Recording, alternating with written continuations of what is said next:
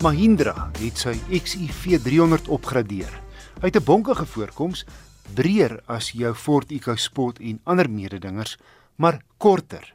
Sy lengte is beperk tot 3995 mm om by Indië se gunstige 4 meter regulasies in te pas.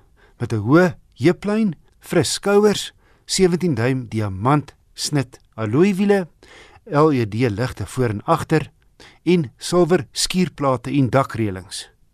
Ek het die top turbo dieselmodel gery, die V8. Jy kry 'n kleur raakskerm met navigasie en 'n tribeeld as ook leerbekleedsel, dubbelsone klimaatbeheer, togbeheer, outomatiese deur oop en toesluiting, aan en afskakeling, reënveers en ligte. Alles werk outomaties. En 'n sondak. Al negatiewe is gegee sy stomp stert 'n klein bagasiebak. 'n Sinvolle verbetering is die kleur van die leersitplekke. Voorheen spierwit wat goue merk wys. Nou genadiglik in swart. Die XUV 300 se 86 kW 1.5 turbo diesel trek sterker as sy mededingers danksy 'n reale 300 Nm wrinkrag wat verbysteek 'n moeitelose ervaring maak. Verbruik op my gekombineerde roete was 'n baie goeie 5,8 liter per 100 km. Verder spog die W8 met 7 ligsakke, stabiliteitsbeheer, heuwel wegtrekhulp en die banddruk word gemonitor. En dan het hy ook drie sensors en parkeersensors voor. My gevolgtrekking, die Mahindra XUV300 1.5 turbo diesel W8, se klein bagasiebak kan groter gesinne afskrik. Maar positief is is sy wrinkragtige masjien, baie suiwige verbruik en goeie toerusting vlakke teen R337000. Ek het 'n brief van OJ Skooman ontvang. Hy vra raad oor 'n battery vir sy Suzuki Desire en gee 'n tabel met inligting oor 5 batterye wat pas. Hy vra watter een is geskik en waarna moet ek oplet?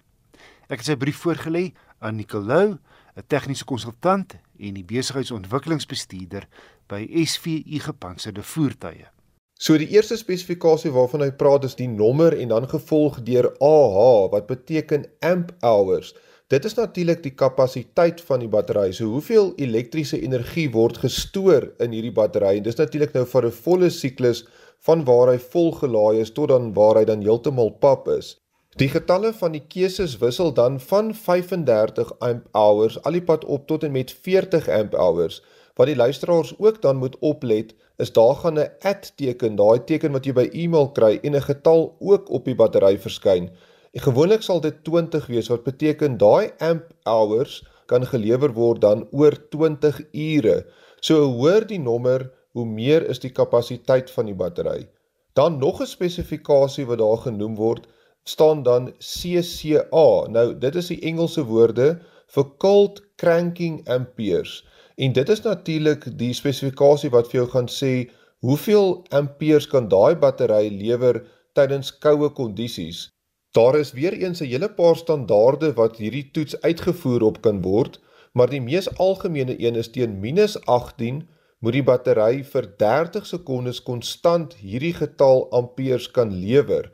En as ek weer eens na die tabel kyk, dan wissel dit van 270 ampere al die pad op tot en met 330 ampere.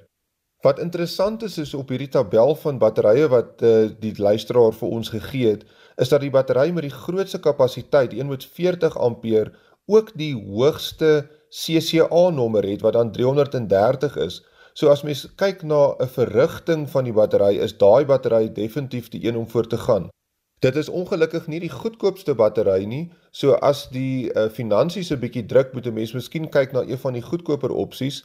Ten minste het al die batterye dieselfde 24 maande waarborg. So ek dink nie mens kan regtig 'n fout maak in hierdie geval nie. Nicolou, 'n tegniese konsultant en die besigheidsontwikkelingsbestuurder by SVU Gepantserde Voertuie. En nuus aan die SVU front is dat die Toyota Land Cruiser 300 nou op 'n B6 vlak gepantser word en so insittendes teen aanvalsgewere se koels beskerm. hoewel SVU se Toyota van buite soos enige ander Land Cruiser 300 lyk.